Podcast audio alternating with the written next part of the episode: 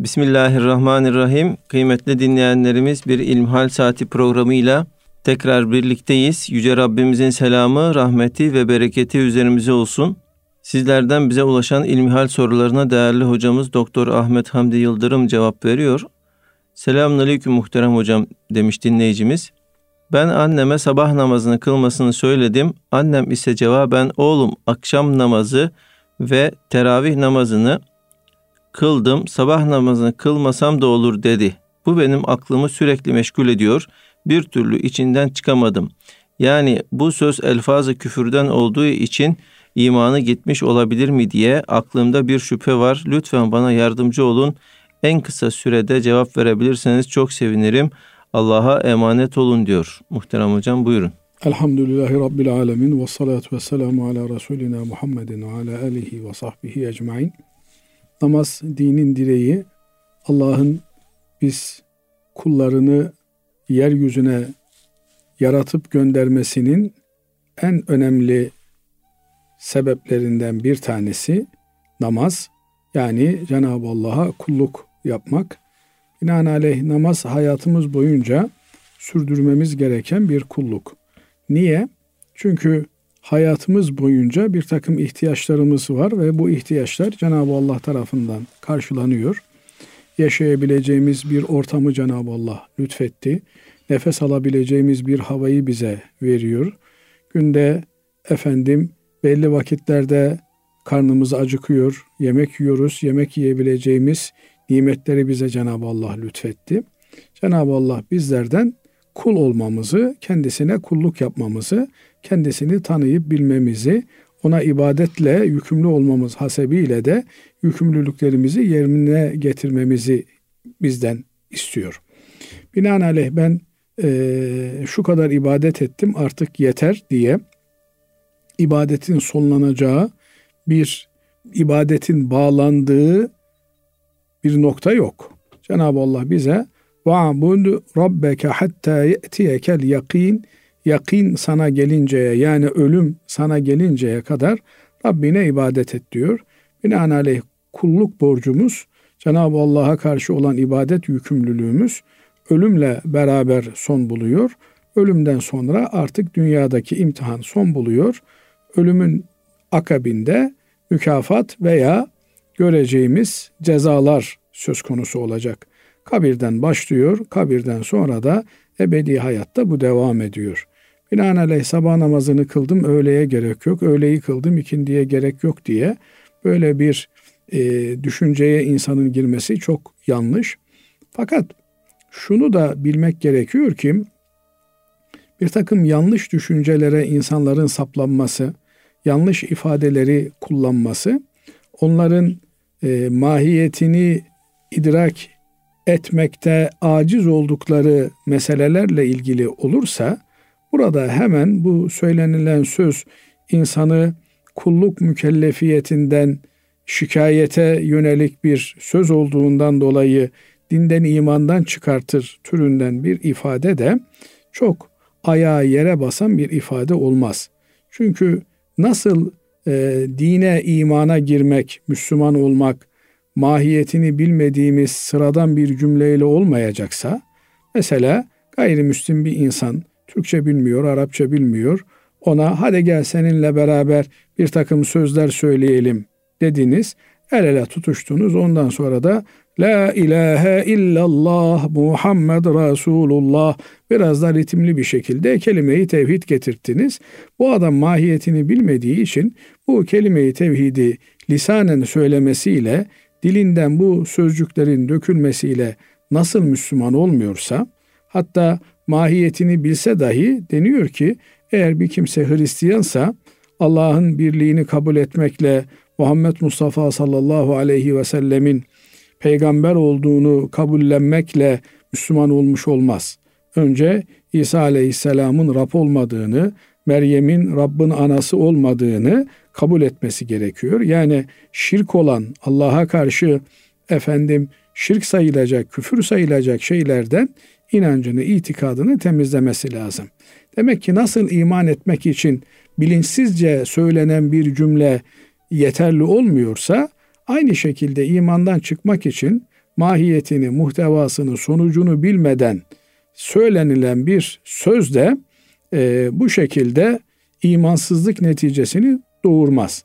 Elbette ağzımızdan çıkan şeyler önemlidir. Elbette fiillerimiz, hareketlerimiz önemlidir. Fakat insanlar bazen başka bir maksatla bir şey söylüyorlar. Mesela adam diyor ki eğer diyor bu adam Müslümansa ben Müslüman değilim diyor. Çok tehlikeli bir cümle. Burada adamın dininden daha fazla adamın ahlakına yönelik bir sataşma söz konusu. Yani dindar bir insanın böyle bir ahlak sahibi olmaması lazım diye bir efendim e, şikayet söz konusu. Ama öyle de olsa böyle bir ifadeyi kullanmak bir Müslümana yakışacak bir ifade değil. E mafi böyle bir ifadeyi biri kullanmışsa sen böyle bir ifade kullandın, dinden imandan çıktın. Senin bundan sonra Müslümanlıkla alakan kalmadı denir mi? Denmez. Bu söylediği lafın doğru olmadığı, bu söylediği ifadenin yanlış olduğu ona söylenir. Şimdi burada kardeşimiz de annesini sabah namazına kaldırmış. Oğlum demiş işte akşamı yatsıyı kıldık. Ben e, yorgunum dokunma bana dercesine bir ifade kullanmış. Bu ifadeden yani ben iki rekat namaz kıldım. Bundan sonra bir namaz mükellefiyetim yok. Sabah namazı farz kılınmış bir namaz değildir.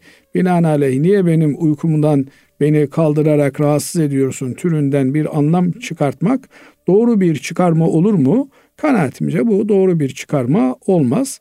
Fakat e, burada bu evladın yapacağı mesele baktı ki işler farklı bir yöne doğru gidiyor. E, peki anneciğim muhtemelen sen kılmışsındır diye olayı geçiştirmek. Daha sonra olay sakinleştiğinde ise Cenab-ı Allah'ın bize nasıl bir kulluk yüklediğini, nasıl bir yükümlülük yüklediğini anlatmak gerekiyor. Çünkü insanlar kulluğu, ibadeti arada bir yapılabilecek bir e, hobi olarak da görebiliyorlar. Müslümanlığın şuurunda olmak, farkında olmak farklı bir şey. İnsanlar bazen kendilerini efendim genele göre kıyas ediyorlar. Efendim işte kimsenin namaz kılmadığı bir yerde ben günde bir vakit namaz kılıyorsam ben iyi insanım. Oysa Cenab-ı Allah bizi genele göre değil ideal olan sahabe toplumuna göre değerlendireceğini ifade ediyor. Nitekim ayeti kerimede وَالسَّابِقُونَ الْاَوَّلُونَ مِنَ الْمُهَاجِرِينَ وَالْاَنْصَارِ وَالَّذ۪ينَ اتَّبَعُوهُمْ ihsan buyuruyor Cenab-ı Allah. İlk Müslümanlar, muhacir ve ensardan ilk Müslümanlar ve onlara güzelce tabi olanlar. Dolayısıyla biz değerlendirileceğimiz kimseler sahabe efendilerimiz, ilk Müslümanlar, muhacir ve ensar efendilerimizdir. Onlara en güzel bir şekilde tabi olmakla mükellefiz. Efendim bugün sokaklara baktığımızda insanlar şu kadar kötülük yapıyor. Ben şuncacık bir şey yapmışım bunun lafı mı olur diyemez bir Müslüman. Niye? Din bir bütündür. Müslümanlık bütün hayatı kuşatan bir nizamdır. Bunun her alanı önemlidir. Hiçbir alanında gevşeklik gösterme e, imkanımız yoktur. Söz gelimi bir kimse bir iş yerinde, bir fabrikada işçi olarak çalışıyorsa, efendim ben 30 yıldır burada çalışıyorum, artık bugün e, vazifelerimi yapmasam da olur. Benim her gün bu makineyi çalıştırmam gerekiyordu. E bugün çalıştırmasam kimse bana bir şey demez. 30 senedir çalıştırıyorum. Böyle bir lüksümüz yok. Nitekim aynı şekilde de fabrika sahibi veya işveren 30 yıldır ben bu adamlara maaş veriyorum. Bu ay vermesem olur diyemez. Herkes yükümlülüğünü yerine getirmekle mükelleftir. İnsanlar nefes aldıkları sürece aldıkları nefesin farkında olmazlar. Kıymetini bilmezler, onu değerlendiremezler. Ama en ufak bir hastalıkta bir nefesin ne kadar değerli olduğunu biliyoruz ve uğruna her şeyi feda edebilecek hale geliyoruz. Binaenaleyh Cenab-ı Allah bizi bin bir türlü sayısız nimetlerle perverde etmiş, kuşatmış. Binaenaleyh bizim de kulluk vazifemizi ona göre e, yapmamız gerekiyor. Kaldı ki kulluk vazifelerinin toplandığında günlük yapacağı e, saat tutarı Bir saat, bir buçuk saat bilemediniz iki saattir. Evet 24 saat Müslüman olmakla mükellefiz ama bunun içerisinde nefsin de işine gelen uyumaktır, yemektir, içmektir, oturup kalkmaktır, muhabbet etmektir, konuşmaktır. Bunların hepsi söz konusu. İbadet olarak namaz kılmaktan bahsettiğimizde işte sabah namazı iki sünnet, iki farz, dört rekat, öğle namazı, ikindi namazı, akşam namazı, yatsı namazı bütün bunları tutsanız e, efendim sünnetleriyle beraber kılacağım deseniz bir saati ya tutar ya tutmaz. Binaenaleyh bunun dışında insan serbest zaman dilimine sahip ama bu ibadetleri yerine getirirken sabahı kıldım öğleye gerek yok, öğleyi kıldım ikindiye gerek yok diye bir kandırmacanın içerisine girerse kendisini efendim Allah muhafaza etsin farklı yanlış bir takım mecralarda bulabilir. Fakat bir Müslüman böyle bir gafletin içerisine girdi diye ona da hemen bir damga yapıştırmak doğru olmaz. Aksine Müslümanın Müslümanlığını daha da artırabilmesi için onun güzel Müslümanlarla oturup kalkmasını temin etmek, dini anlayışındaki eksiklikleri, yanlışları gidermeye gayret etmek, çalışmak gerekir. Yoksa birbirimizin efendim din casusluğunu yapıp da sen şunu söyledin, sen şunu yaptın, sen buna göz kırptın, sen şuna prim verdin diyerek insanların imanlarını, İslamiyetlerini, Müslümanlıklarını böyle yaralama hakkımız yok. Yapabileceğimiz bir iyilik varsa, bir ihsan varsa, bir fayda varsa onu yapmaya gayret etmeliyiz. Evet, Allah razı olsun değerli hocam. Şimdi ikinci bir dinleyicimiz şöyle bir soru göndermiş bize. Yaşadığımız haksızlıklara karşı tavrımız nasıl olmalıdır? Hep alttan alan taraf olmak insanı yıpratıcı oluyor. Bu konuda ne yapmalıyız diyor. Evet. Ee, öncelikle tabii şunu bilmek gerekiyor ki Müslümanlığın temel prensibi la darara ve la dırar. Yani kimseye zarar vermeyeceksin. Sana verilen zarara da zararla mukabele etmeyeceksin. La tazlimune ve la tuzlemun. Kimseye zulmetmeyeceksin. Kimsenin zulmüne de katlanmayacaksın. Binaenaleyh biri sana zulmetti diye onun zulmüne katlanmak, onun eziyetine, onun sana yapmış olduğu işkenceye tahammül etmek dinin emirlerinden değildir. Fakat şöyle bir meseleyi de göz ardı etmemek gerekiyor. Evet, zulüm etmeyeceğiz, kimseye haksızlık yapmayacağız. Kimsenin bize haksızlık yapmasına da tahammül etmeyeceğiz. Ama mesele eğer e, bir kar ve zarar dengesi ise burada hikmetli davranmak gerekiyor. Mesela bir kimsenin senin şahsına yönelik zararı var ama genele yönelik faydası varsa eğer tercih etmen gerekiyorsa şahsına dönük zararından dolayı onun aleyhine bir tavır mı takınacaksın? Yoksa genele, ümmete, bütün insanlığa olan faydasından dolayı genel bir bakış açısı ile kendi kişisel problemini unutacak mısın? Söz gelimi bir makamdasınız, bir mevkidesiniz. Efendim bir fabrikanın idarecisisiniz. Size iş için müracaat etmiş biri var. Onunla kişisel bir husumetiniz var. Vaktiyle size karşı bir yanlışı olmuş. Fakat biliyorsunuz ki o fabrikaya faydalı olacak biri. O fabrikanın e, ali menfaatlerini gözetecek biri. Fabrikanın sahiplerine ve hissedarlarına yarar sağlayacak biri.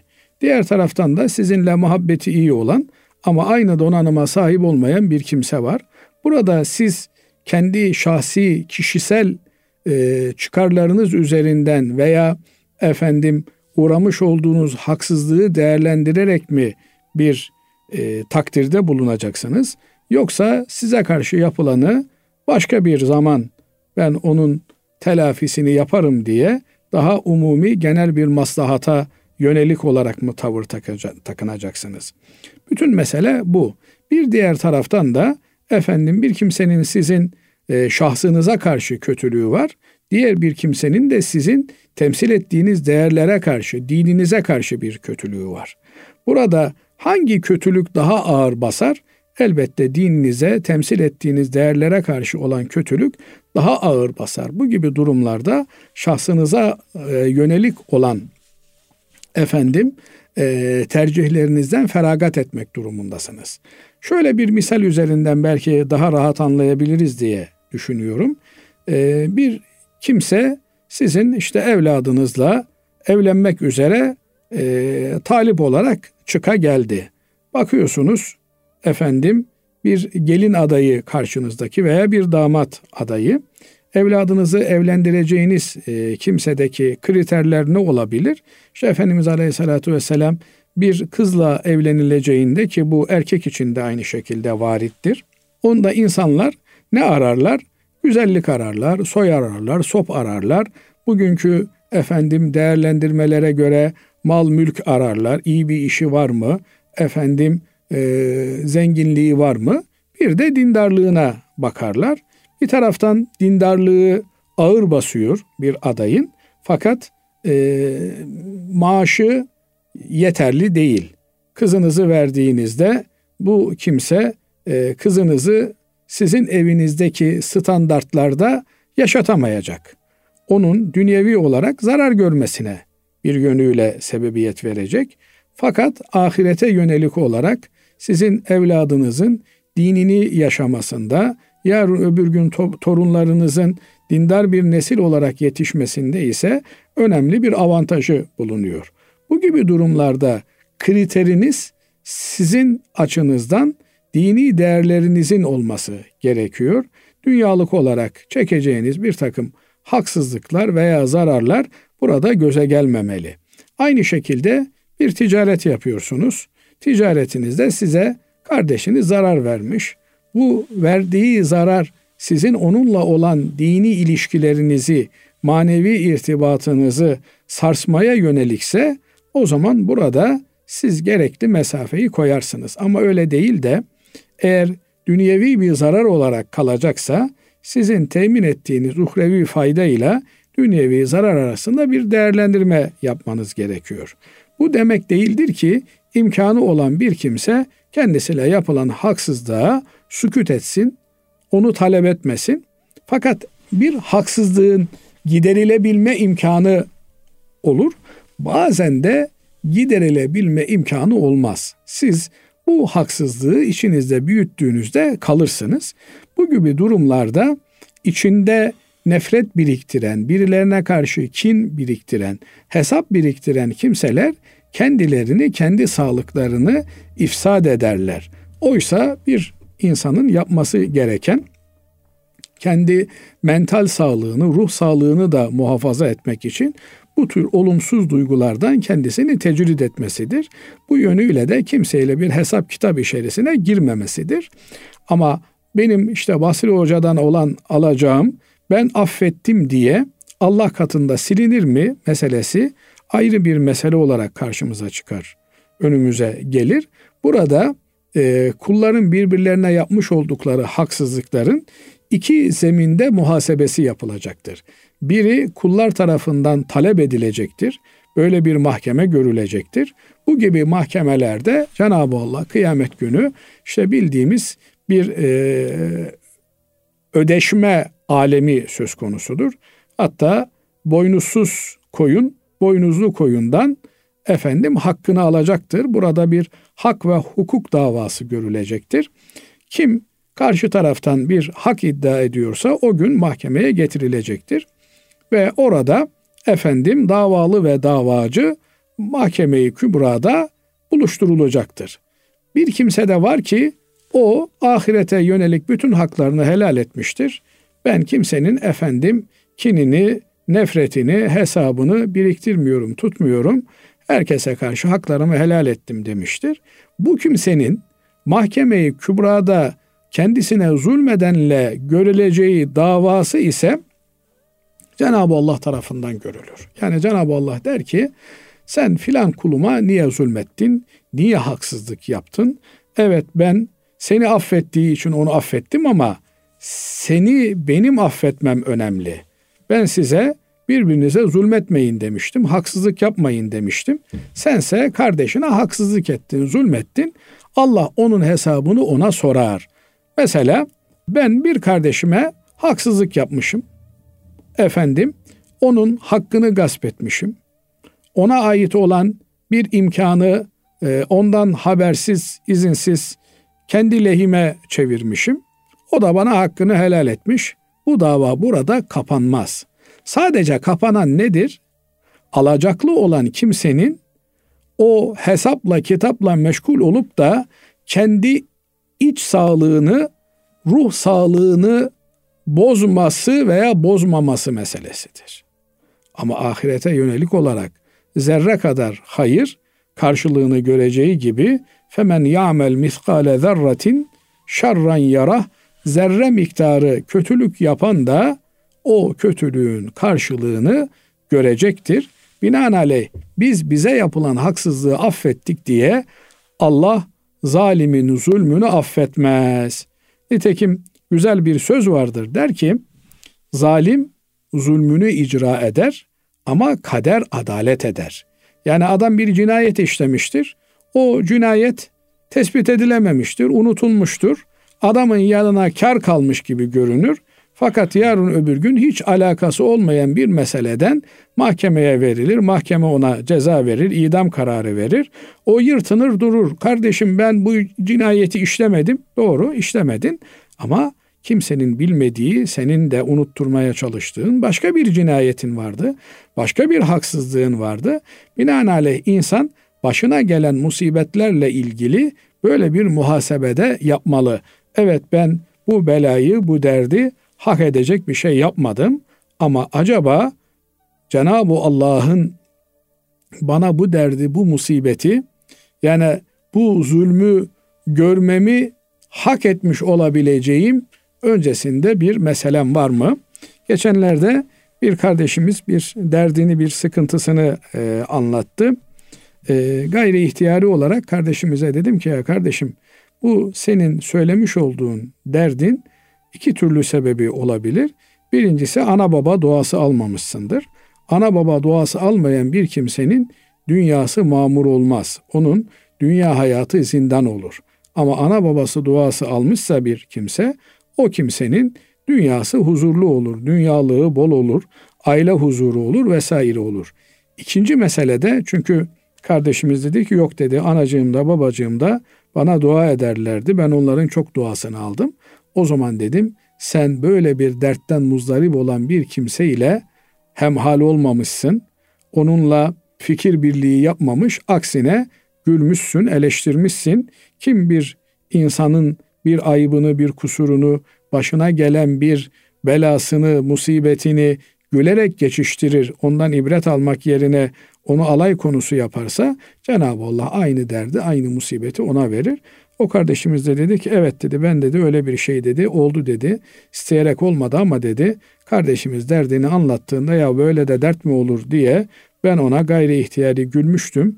Hatta bayağı bir e, gülmüştüm ama Allah biliyor ki e, içimden o kardeşimizle dalga geçmek gibi bir duygu geçmemişti. Ma mafi bir Müslümanın derdine, bir Müslümanın sıkıntısına merham olmak yerine onunla dalga geçmek, onu alay konusu yapmak, onu gülme mevzu yapmak insanı bir takım sıkıntılara sokar.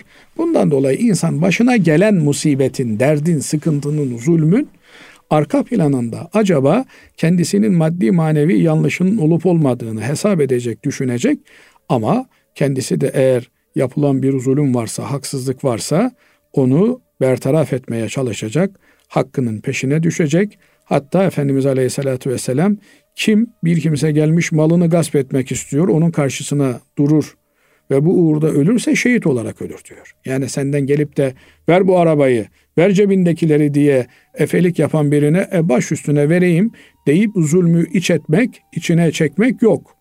Dolayısıyla kim namusuna karşı bir tasaddi olur, kim şerefine karşı, haysiyetine karşı biri saldırır da ona mukabil efendim zulmü içine çekmez, meydan okur, bu uğurda da ölürse o da şehit olur diyor. Binaenaleyh bütün mesele haklı bir yerde durup bir insan efendim kendi uğradığı zarara mumasil, denk karşı tarafa mukabelede bulunabilir ama e, onun yerine eğer karşısındaki Müslümansa ibret alabilecekse affedip bağışlayıp bir erdem de gösterebilir. Evet değerli hocam Allah razı olsun. Kıymetli dinleyenlerimiz şimdi kısa bir ara veriyoruz. Aradan sonra kaldığımız yerden devam edeceğiz. Kıymetli dinleyenlerimiz İlmihal Saati programımıza kaldığımız yerden devam ediyoruz. Muhterem hocam elbise veya bedene bulaşan kan ne kadar olursa namaz kılmaya engel teşkil eder diye sormuş dinleyicimiz. Şimdi kan ister insan kanı olsun isterse başka bir e, hayvanın kanı olmuş olsun. Dinimizde necis kabul ettiğimiz bir maddedir. Cenab-ı Allah kanın pis olduğunu bizlere Kur'an-ı Kerim'inde beyan ediyor. Binaenaleyh namaz kılmanın şartlarından bir tanesi de necasetten taharettir. Yani pisliklerden arınmak, paklanmaktır. Kan gibi şer'i olan yani dinen pis kabul edilen şeylerin namaz kıldığımız yerde, secde ettiğimiz yerde yani seccademizde, e, bedenimizde ve elbisemizde, giysimizde olmaması gerekiyor. Ne kadar olursa olsun eğer namaz kılacağımız yerde, bedenimizde veya elbisemizde bir kan varsa bunu temizlemek gerekiyor. Necasetten taharet bunu ifade ediyor. Fakat e, özellikle de Hanefi mezhebi açısından e, bir insan e, dışarıya çıkmış, efendim dışarıda elbisesini değiştirebilme imkanı yok veya vücut temizliği yapabilme imkanı yok. Bu gibi noktalarda affedilen bir veya muaf tutulan bir miktardan bahseder fıkıh kitaplarımız. Nedir bunlar? Bir dirhem miktarı derler. Yani birkaç damla e, kan eğer vücuttan ayrılmış ve işte bugünkü ölçülerle ifade edecek olursak 2 1 lira kadar bir hacme ulaşmamışsa o zaman bu zaruret durumlarında, olağanüstü durumlarda muaf kabul edilebilir. Yine buna benzer idrardır vesairedir. Necaset dediğimiz bu e, temizlenmesi gereken pislikler bu miktarlarda affolunun miktarlardır. Ama nasıl olsa bu affolunur diye bir insan sabah evinden çıkarken çamaşırında veya bedeninde böyle bir şey varsa bununla beraber ben bugün namazları kılayım diyemez. Ya namazı kıldıktan sonra fark etmiştir ki işte göm gömleğinde birkaç damla e, kan bulaşmıştır. Çamaşırına birkaç damla idrar bulaşmıştır. Bunlar e, bir hacim olarak da bir liranın e, ölçümünü, e, yüz ölçümünü aşmamışlarsa bunlar affedilen miktar olarak kabul edilir. Ama bildiği e, halde veya farkında olursa bir insan bunu temizlemesi gerekir. Yani bunu temizlemeden bununla namaz kılması doğru olmaz. Namaz kılmakta necasetten taharet bir şart olarak karşımıza çıkıyor. Bunun haricinde evet Müslümanın temiz olması, her an namaz kılmaya hazır olması gerekir. Nitekim günde beş vakit namaz da namazın şartlarıyla da Müslümanı daima uyanık e, tutmaya yönelik bir ibadettir. Ama adam işte e, kurban keserken üzerine kan bulaşmış. Hemen gidip de üstünü değiştirmesi gerekiyor mu? Yok. Namaz kılana kadar o elbiselerle idare edebilir. E, efendim işini bitirir, gücünü e, bitirir. Ondan sonra namaz kılacağı vakit e, üstünü, bedenini temizler, yıkanır, paklanır. Ondan sonra namazını kılar. Evet. Kiralanan veya yarıcılıkla ekilen arazinin öşrü nasıl verilir? Şimdi öşrü kim verir? Öşrü tohum sahibi mi verir yoksa toprak sahibi mi verir? Meselesi alimlerimizin arasında ihtilaf konusu olmuştur. Ee, ağırlıklı olan kanaat öşür yani mahsul tohumdan geldiğine göre tohum kiminse efendim öşrü de onun vereceğine yöneliktir. Ee, ama Hanefi mezhebinde Ebu Hanife'nin görüşü yanlış hatırlamıyorsam toprak sahibinin öşrü vereceğine yöneliktir. Çünkü e, tohum tek başına e, mahsul vermez. Onun toprakta olması onun neşvunema bulmasına sebep olmaktadır. Binaenaleyh burada toprak e, e, ana gibi değerlendirilir. Bundan dolayı da toprak kiminse oranın öşrünü de onun vermesi gerekir denilir. Ma burada e, öşür dediğimiz toprağın çıkartmış olduğu mahsulün zekatı daha fazla devlet tarafından toplanan bir zekat türüdür. Biliyorsunuz iki türlü zekat e, söz konusudur. Mallar açısından. Biri emvali zahire denilen saklanılamayan mallardır, görünen mallardır. Efendim e, tarlalardan alınan mahsuller, hayvancılıktan elde edilen e, ürünler görünen kısmına girer. Ama bir tarafta da adamın yastık altı diye bugün tanımladığımız birikimleri vardır. Bunlar da gizli olan mal varlığıdır. Bunlara emvali batine derler. Bunların ne kadar olduğunu bilemez. Devlet de gidip yastığın altında kimin ne kadar parası var diye tecessüs yapacak hali yok. Bu İslamiyet'te yasaktır. Kimse kimsenin efendim e, tecessüsünü yapamaz. Devlet de olsa hane dokunulmazlığı vardır, mahremiyet vardır vesaire filan. Binaenaleyh emvali zahire dediğimiz görünen herkesin görebildiği, devletin tespit edildiği, edebildiği mallarda zekatı devlet alır ve devlet bunu gerekli yerlere harcar, kullanır. Burada da eğer e, bir yerde tarlanın e, kirası artmışsa o zaman e, çiftçinin tohumu e, getirip de ekini yapan kimsenin üzerine değil, tarla sahibi üzerine öşrü yükler. Ama öyle değil de çok cüz'i miktarda kalmışsa kiralar, bazen e, öyle adam efendim yüzlerce dönüm araziyi çok cüz'i sembolik ücretlere kiraya verebiliyor. Diğer taraftan tabi yarılık meselesinde de burada e, işte bir taraf arsayı veriyor, bir tarafta oraya tohumu ekip mahsul alıyor oradan. Burada e, zekatı verdikten sonra, öşrünü verdikten sonra kalan miktar bölüşülür. Burada bir problemle karşılaşılmaz. Ama e, eğer işte benim bir dönüm tarla için 10 lira kira vereceksin demişse, dönüm başına 10 lira kira vereceksin demişse, bu kira sembolik olduğundan dolayı burada tohum kiminse öşrü de o verir. Ama yok dönüm başına işte 10 bin lira kira alırım demişse bu gibi durumlarda tarlayı kiraya veren kişi zekatı vermekle de yükümlüdür. Ee, az önce ifade etmeye çalıştım belki e, beceremedim. Devlet düzenlemeyi buna göre yapar. Devlet tohum sahibinden mi alacak yoksa arsa sahibinden mi alacak? Onu duruma göre kiraların yükselmesi, düşmesi, elde edilen mahsulün efendim e, zekatının alınmasıyla ekonomik getirisi vesaire gibi durumları hesap ederek ya tohum sahibinden ya toprak sahibinden almak suretiyle bir düzenleme yapabilir. Ama el verir ki kiralama eyleminde yani siz bir tarlayı kiralıyorsunuz. Burada e, kirasını da ona göre konuşmak lazım gelir. E, eğer kira yüksekse o zaman buranın zekatını sen verirsin diye e, mal sahibiyle, toprak sahibiyle konuşmak lazım gelir. Ama ağırlıklı olan kanaat tohum kiminse mahsul onundur. Mahsul kiminse o mahsulden çıkanın onda bir veya yirmide bir efendim zekatını vermekle yükümlü olur. Evet. Diğer bir soru şu, şu şekilde hocam. E, icra yoluyla hac edilmiş malların satın alınması caiz midir? Şimdi bunu zaman zaman cevaplandırdık e, ama yine kardeşimiz sormuş tekrardan cevaplandıralım.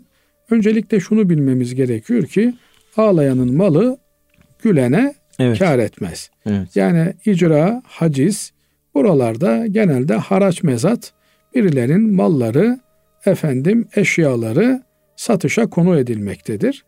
Ee, eğer böyle bir durum söz konusu ise buraya bir Müslüman tamah etmemelidir.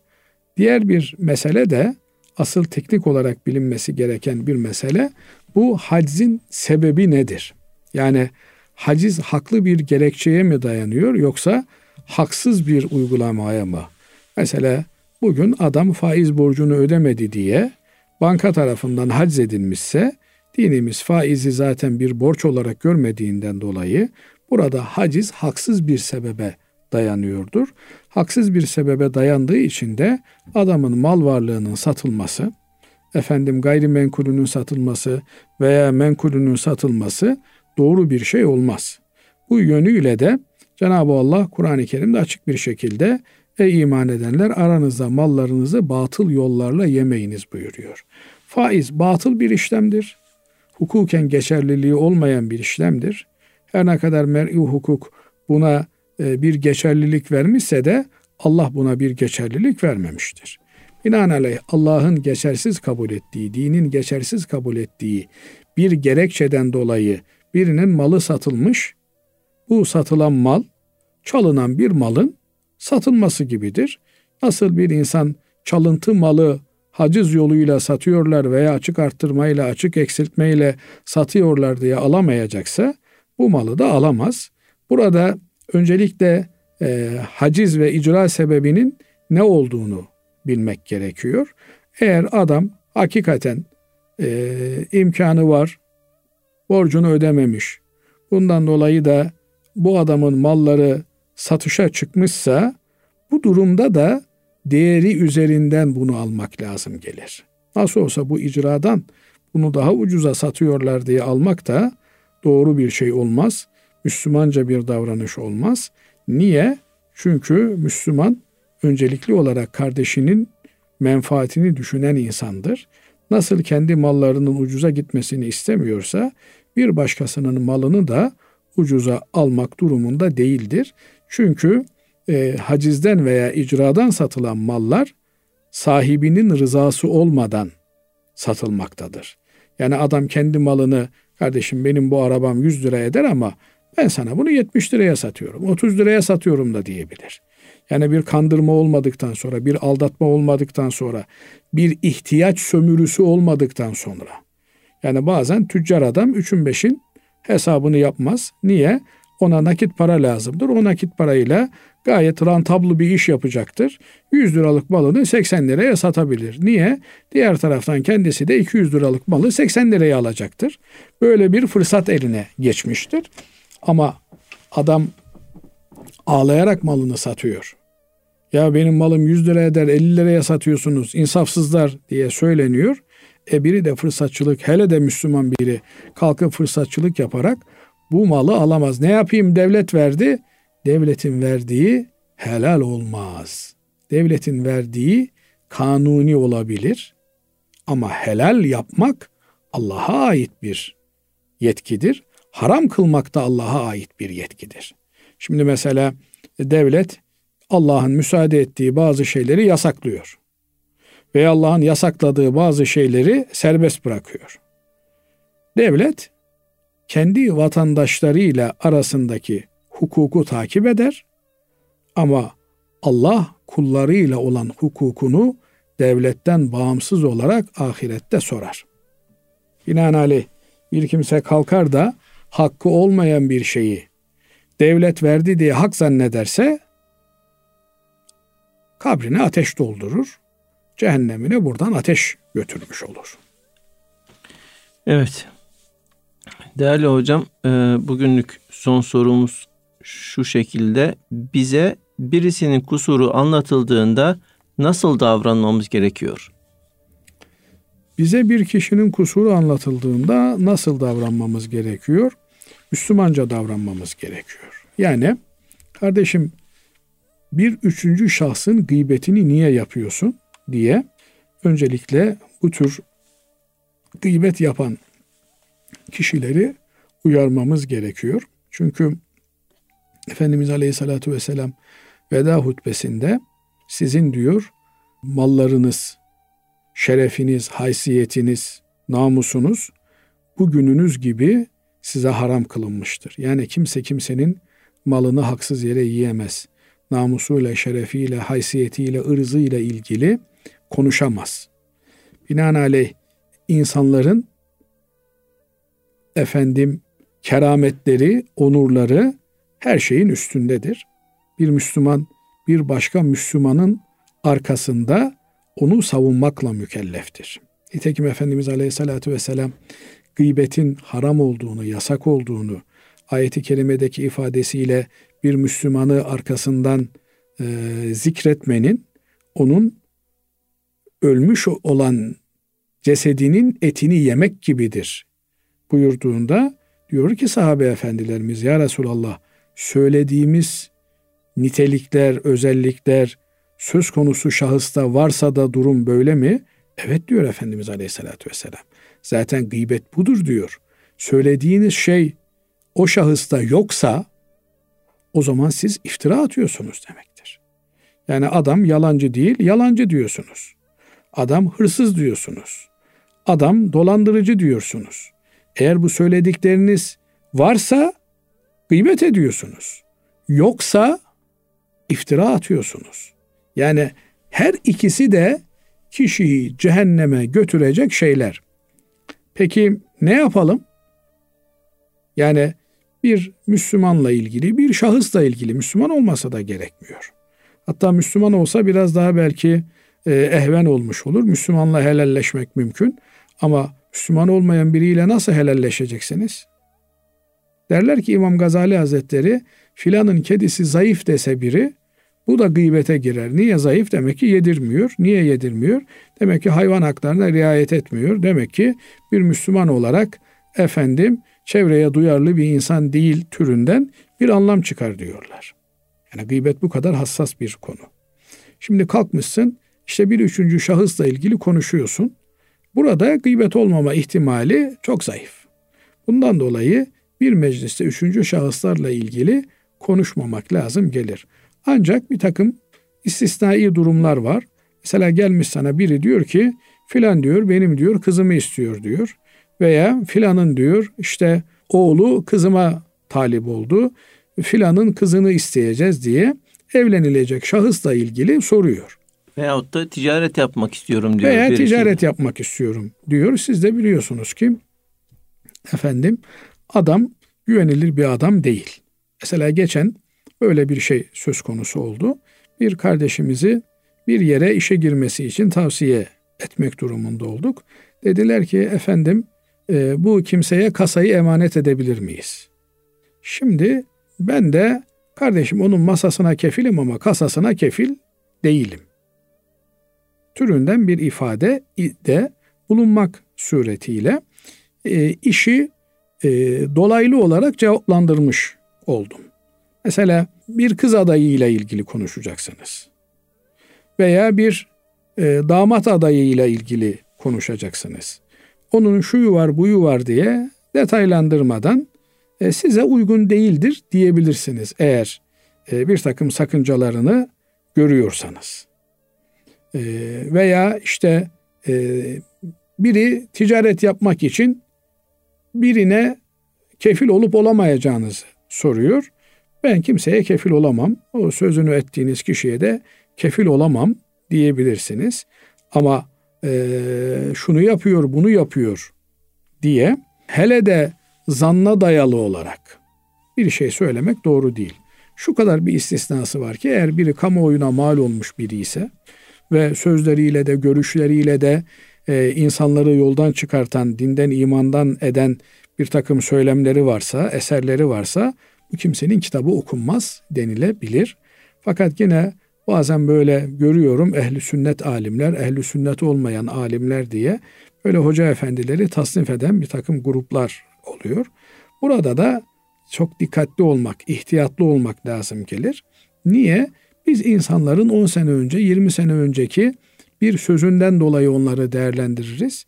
Oysa adam tövbe etmiş olabilir, fikrini değiştirmiş olabilir, görüşü değişmiş olabilir. Kaldı ki ehli sünnet ifadesi ümmetin ana omurgasını oluşturur.